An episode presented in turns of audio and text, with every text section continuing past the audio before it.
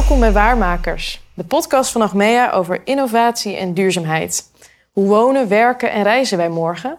En wat betekenen nieuwe technologieën voor de maatschappij? Ik ben Talita Muse en in deze serie ontmoet ik mensen die hun mouwen opstropen om hun blik op de toekomst realiteit te maken. Waarmakers. Mijn gast in deze Waarmakers podcast aflevering die zegt dat robots meer onze vriendjes moeten worden. Hij komt net als ik uit Rotterdam, maar hij is sociaal geograaf, maar zet zich wel in voor technologische innovaties in de mobiliteitssector. Ik ben heel erg benieuwd. Alwin Bakker, welkom. Ja, dankjewel. Leuk dat jullie uh, ons hebben uitgenodigd hiervoor. Ja, ja. precies. Eindelijk uh, gaan we elkaar eens wat langer spreken, want we lopen beide in het duurzame veld uh, ja. rond. Elkaar vaak gezien op congressen, maar nu kunnen we even wat meer de diepte in. ik ga ja. ook gelijk even beginnen. Jij bent de oprichter van Future Mobility Network. Vertel, wat is dat? Ja, de Future Mobility Network. Ik probeer het altijd een beetje uit te leggen. Het is een soort van beweging eigenlijk. Van uh, op een innovatieve manier mobiliteit neerzetten.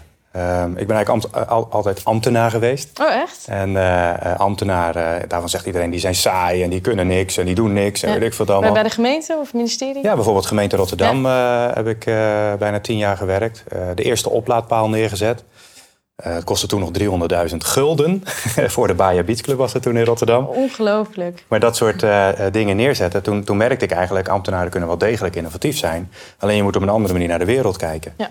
Naar die andere manier van kijken. En dat is eigenlijk de basis geweest van uh, het bedrijf... wat we nu hebben opgericht, de Future Mobility Network. Ja, want het is, een, het is een advieskantoor, maar je noemt het ook Future Mobility Network... omdat het een samenwerkingsverband is van experts, andere bedrijven. Ja, nou ja, ik, ik noem ons meer een, een re realisatiekantoor. He, dus um, wat wij willen, we noemen onszelf ook het ministerie van de doorbraak. Wat wij willen is doorbraken uh, creëren. En als je een doorbraak wil, moet je ons bellen. He, dus als je iets wil wat nog nooit iemand gedaan heeft... Nou, we gaan binnenkort een zelfrijdende prullenbak laten rijden... op de boulevard van Scheveningen. Nou, als je dat soort dingen wil, ja, dan ja. moet je ons bellen. Weet je, dat vinden wij leuk, daar worden wij wakker van. Ja. En dan zijn we soms een beetje stout. En, en um, dat is ook een beetje de, de gedachte achter hetgeen wat wij aan het doen zijn. Is dat je, ja, je kan niet op de reguliere manieren uh, de dingen voor elkaar boksen die wij met elkaar nu voor elkaar boksen. Ja. Ja, dus wat je eigenlijk wil doen is je wil innovaties of doorbraken realiseren die normaal gesproken misschien niet in de sector vanzelf tot stand zouden komen. Ja. Uh, je zei ook eerder van uh, ik ben sociaal geograaf. Dat maakt het eigenlijk het feit dat ik niet uit de mobiliteitssector zelf kom, maakt het misschien wel makkelijker om die rebelse rol te pakken. Ja, want uh, um, techniek is nou niet echt mijn ding, zullen we maar zeggen. Um, um, we hebben heel veel goede mensen bij ons zitten die, uh, die heel veel verstand hebben ja. van techniek. Ja, en als ik verstand had gehad van techniek, was ik hier nooit aan begonnen. Hè? Want dan had je al die belemmeringen al geweten. Ja. Dus uiteindelijk uh, was, was dat voor ons heel erg van belang. Dat we, nou ja, Joop en ik samen, onze, in ieder geval mijn medeoprichter... Ja, heeft ook niet echt een te technische achtergrond.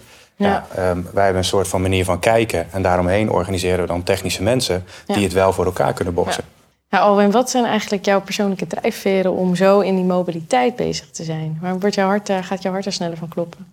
Nou ja, omdat ik denk dat de mobiliteit een van die werelden is waar best wel veel um, uh, traditionele manieren van kijken zijn. Hè. Dus we hebben dat allemaal georganiseerd rondom aanbestedingen. We hebben het allemaal georganiseerd, uh, eigenlijk op een hele goede manier georganiseerd.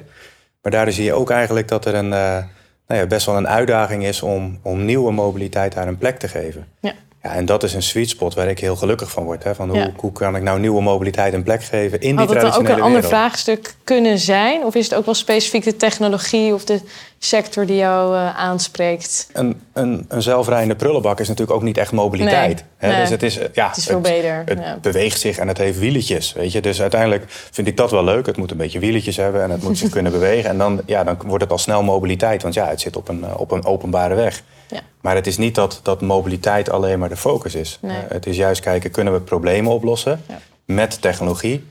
Uh, die toevallig ook wieletjes hebben. Ja. Dus uh, eigenlijk gewoon ja, um, use cases definiëren, problemen oplossen. Ja. En daar dus vanuit techniek tegenaan opgaven zetten. is eigenlijk slimmere oplossingen bedenken. Dat is eigenlijk meer waar jij, waar jij dan denkt van yes, daar wil ik gewoon, Ja. dat wil ik fixen. Ja. Uh, dan per se hoe het eruit ziet of uh, ja. En dat bedenk je steeds op afstand. Hè? Dus gewoon beschouwen eigenlijk van wat zie ik nou in zo'n stad bijvoorbeeld gebeuren. En vind ik dat nou eerlijk? Weet je, dat zijn hele simpele vragen die je zelf moet stellen. Je moet even bij jezelf inchecken en dan vervolgens vragen...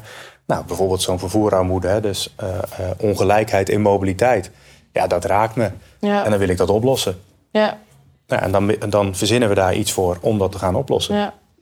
Worden andere partijen hier ook doorgeraakt? In de zin van, uh, zij, heb jij missiegenoten, natuurlijke partners die op hetzelfde aangaan en denken: ik wil met jou samenwerken, uh, ik wil me hier ook aan verbinden, aan deze missie? Ja, ja, ja missiegenoten. Het, het zijn, uh, we hebben een x aantal vaste partners, bijvoorbeeld verzekeraars, waar we, waar we structureel mee samenwerken. Ja. Um, want zo'n zo'n traject, hè, een, een, shuttle neerzetten, is één. Maar vervolgens een prullenbak en een logistieke robot en dan weer dit en dan weer dat. Ja, dan moet je een relatie hebben met een, eh, met een verzekeraar en met elkaar dat gesprek steeds aangaan van wat zit er nou een beetje aan te komen. En, en hoe gaan we het eigenlijk verzekeren? Ja. ja en dan moet je ook mee als het ware in zo'n organisatie. En ze gaan helpen eigenlijk met ja, hoe. Ja, maar dat lijkt me juist bij uitstek een wereld die uh, hè, risico, spannend, dat, uh, dat hebben we niet. Uh, zo'n verzekeringsmodel of zo'n financieringsinstrument. Of, ja. Nou ja, wat ik doe, ik, ik ga heel veel langs lezingen. Ja. En uh, ook van uh, verzekeraars. En dan kijk ik de mensen die een lezing geven... die net een beetje anders kijken en anders denken. Ja, ja die pak ik. En daar gaan we mee samen praten. Ja. Dat, dat, noem ik dan het Innovation White Spot is dat. Hè? Dus je hebt heel veel hokjes in organisaties. Ja. En je hebt altijd een paar mensen die buiten die hokjes omlopen. Mooi. En dat zijn de innovators. Die moet je hebben, want die verbinden de hokjes. Ja. Maar dat is grappig, want innovatie vindt nooit in een hokje plaats. Ja. Dus elke organisatie die is, die is gestructureerd. Ja, letterlijk, in, in hokjes, in gebouwen. hokjes ja. enzovoort. Ja, die moet je niet meer serieus nemen. Ja. Die kunnen helemaal niet meer innoveren. Ik vind het ook wel een hele mooie ondernemerstip eigenlijk. Hè? En iedereen van uh, zoek de, de ruimte, de innovation, uh, de white, white spot. spot. Vind ja, ik hele, die gaan we ont, onthouden. Ja. Kan je voor mij even schetsen wat een beetje de ontwikkelingen zijn op dit moment in de mobiliteitssector? Want jij ziet van alles waarschijnlijk voorbij komen aan trends en innovaties. Wat is nou wel of niet relevant? Waar moeten we op letten? Ja, nou ja, kijk, um, ons bedrijf is heel erg gericht op robotisering. Ja. En wij geloven erin dat uh, binnen nu en vijf tot tien jaar uh, bijna alles gerobotiseerd is. Okay. En dat betekent dus ook, uh, nou ja, als je, ik kijk nu hier naar buiten, dan zie je geparkeerde auto's staan. Ja. Stilstaande auto's is eigenlijk iets wat niet meer dadelijk is. want een auto die kan zich ook zelf wegruimen. Dus waarom zou je nog al die mooie ruimte in de stad, waarom zou je die nog laten uh, benutten door die auto's? Ja.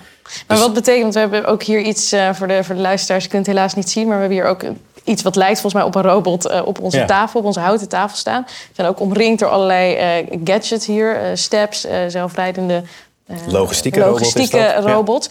maar toch even over robots. Waarom, waarom zijn robots belangrijk? Wat zijn robots eigenlijk? Wat zijn robots eigenlijk? Ja, nou, voor ons zijn uh, robots zijn objecten die je in een 3D-omgeving plaatst. En die op basis van GPS-positionering hun, hun, uh, hun, plek bepalen. Dus even heel plat gezegd, uh, het is niet zoals je een auto op een weg laat rijden en mensen moeten zelf nog besturen. Wij zeggen ja, de mens kan er eigenlijk uit. Ja, en door het is robotisering. Autonoom, eigenlijk. Het is autonome techniek die los van de mens zijn eigen opdrachten, taken vervult, keuzes maakt. Ja, keuzes maakt. Um, het wordt wel ingeregeld. Hè? Dus uh, het is niet zo uh, dat, dat, dat de robot keuzes gaat maken in de vorm van wie ga ik aanrijden. Weet je, dat soort beelden worden altijd uh, geschetst. En ethische discussies en noem maar op. Nee, de, de robot wordt altijd nog geprogrammeerd. En er is altijd iemand die het in de gaten houdt in een controlroom. Of een ja. steward die erbij kijkt. Van hé, hey, wat, wat gebeurt er eigenlijk? Hey, en maar, maar wat levert dat op? Hè? Ook als je het hebt over, je zegt binnen vijf jaar is eigenlijk alles gerobotiseerd. Kan je dat ook koppelen dan aan maatschappelijke vraagstukken? Gaat dat ons tijd besparen? Wordt onze wereld er schoner ja. uh, van? Wordt ons leven er leuker van? Wat is nou het grootste maatschappelijke ja. uh, nut? Hè? Want ik kan me ook voorstellen dat de Schippersvakbond denkt... van nou, ik ben, ik ben mijn baan kwijt. En misschien scheelt het in tijd een minuut of zo. En ja. wel de mens eruit georganiseerd. Dus waar zit de maatschappelijke uh, winst van robotisering? Nee, maar dat is wel grappig. Wij denken daar niet te veel over na. Um, want als je daarover gaat nadenken, dan uh, ga je niet meer zien ja, wat je ja. waarneemt tijdens het uitvoeren. Ja. En we merken gewoon ook met bijvoorbeeld het neerzetten van die shuttles.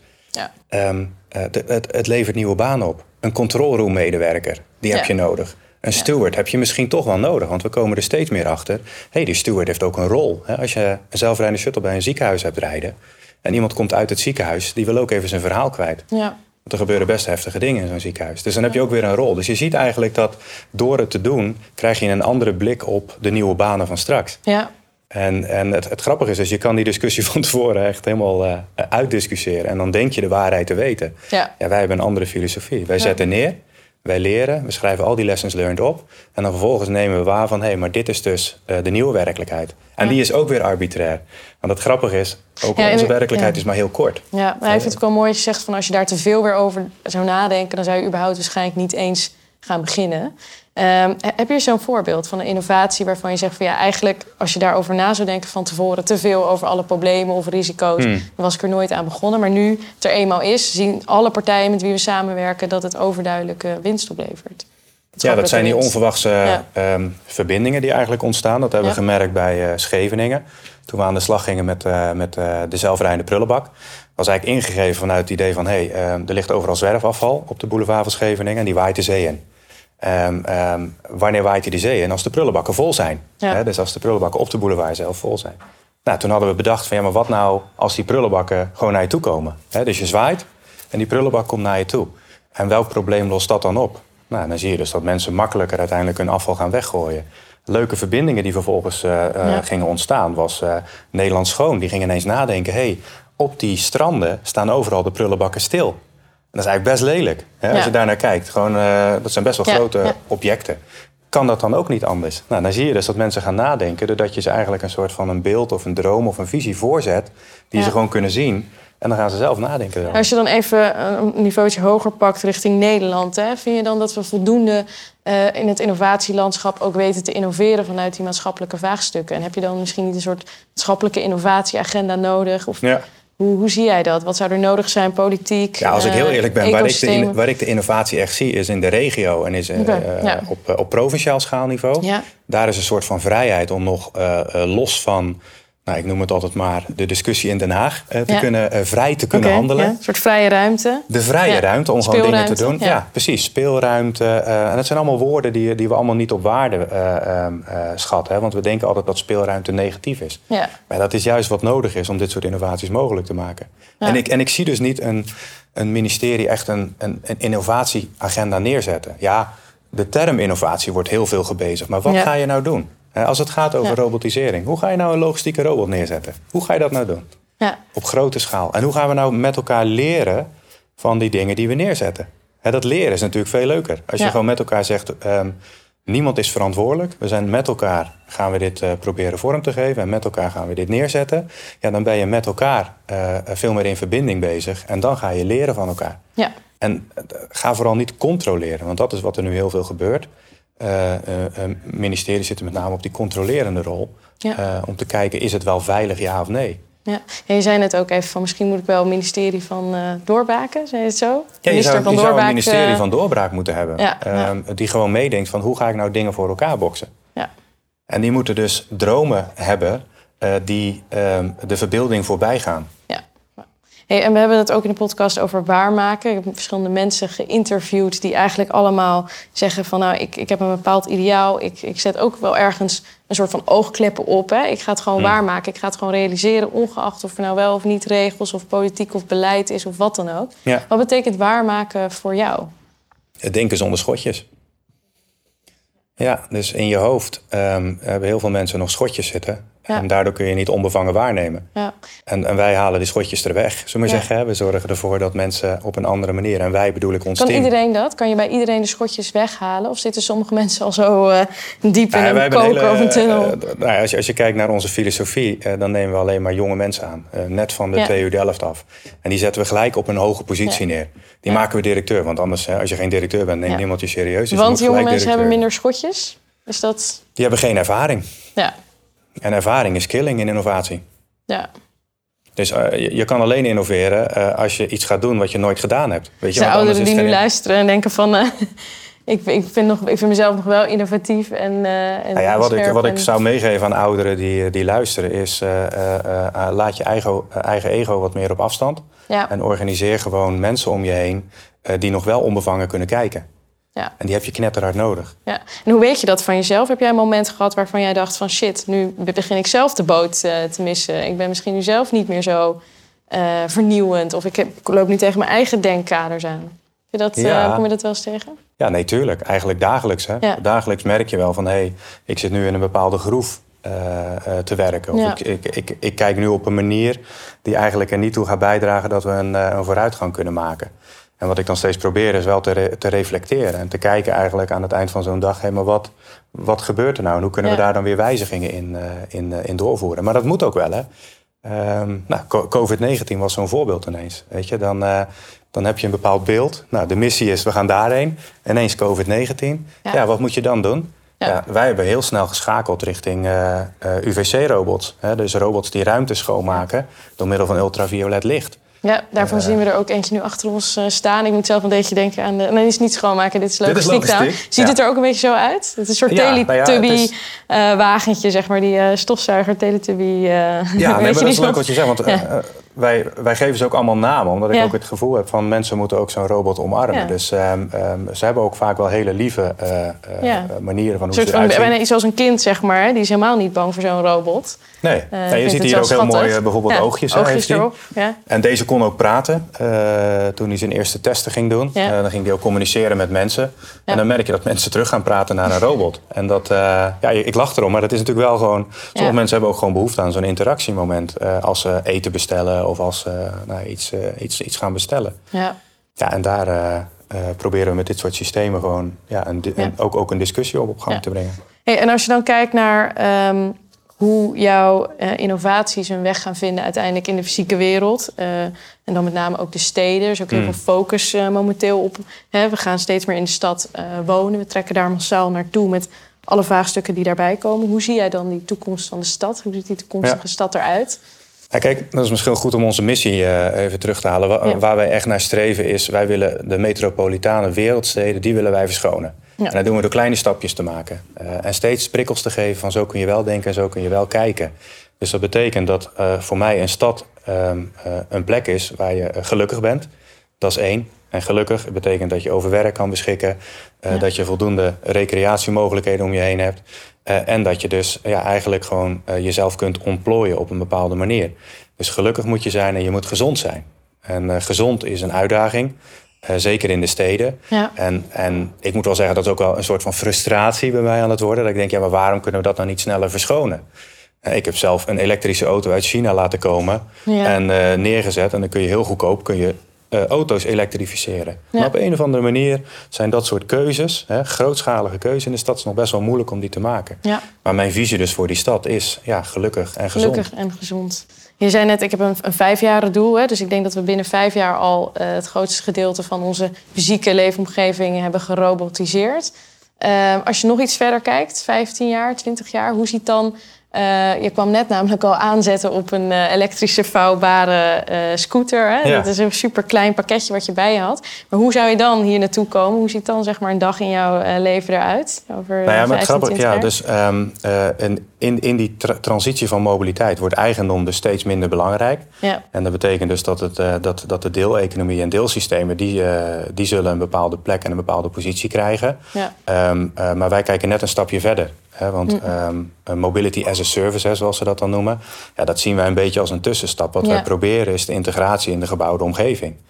dus hoe kun je nou um, um, op een slimme manier wonen en mobiliteit gaan integreren met elkaar. En hoe zou je bijvoorbeeld uh, mobiliteitscontracten met bewoners kunnen afsluiten, ja. die als ze bijvoorbeeld uh, energiezuinig leven, dat ze dan korting krijgen op hun mobiliteit. Nou, dat soort integraties. Dat is, uh, tussen de verschillende levensgebieden eigenlijk een, een integratie. Ja, nou vanuit doelgroepen ook benaderd. Dus de mens staat daar heel erg centraal en, die, en die maakt bepaalde keuzes in zijn, in zijn wonen of in zijn, in zijn mobiliteit, maar ook in zijn werken. Nou, en dat moet je integreren. Dus, dus mobiliteit staat helemaal niet meer centraal straks. Mobiliteit is slechts de transactie om van A naar B te komen.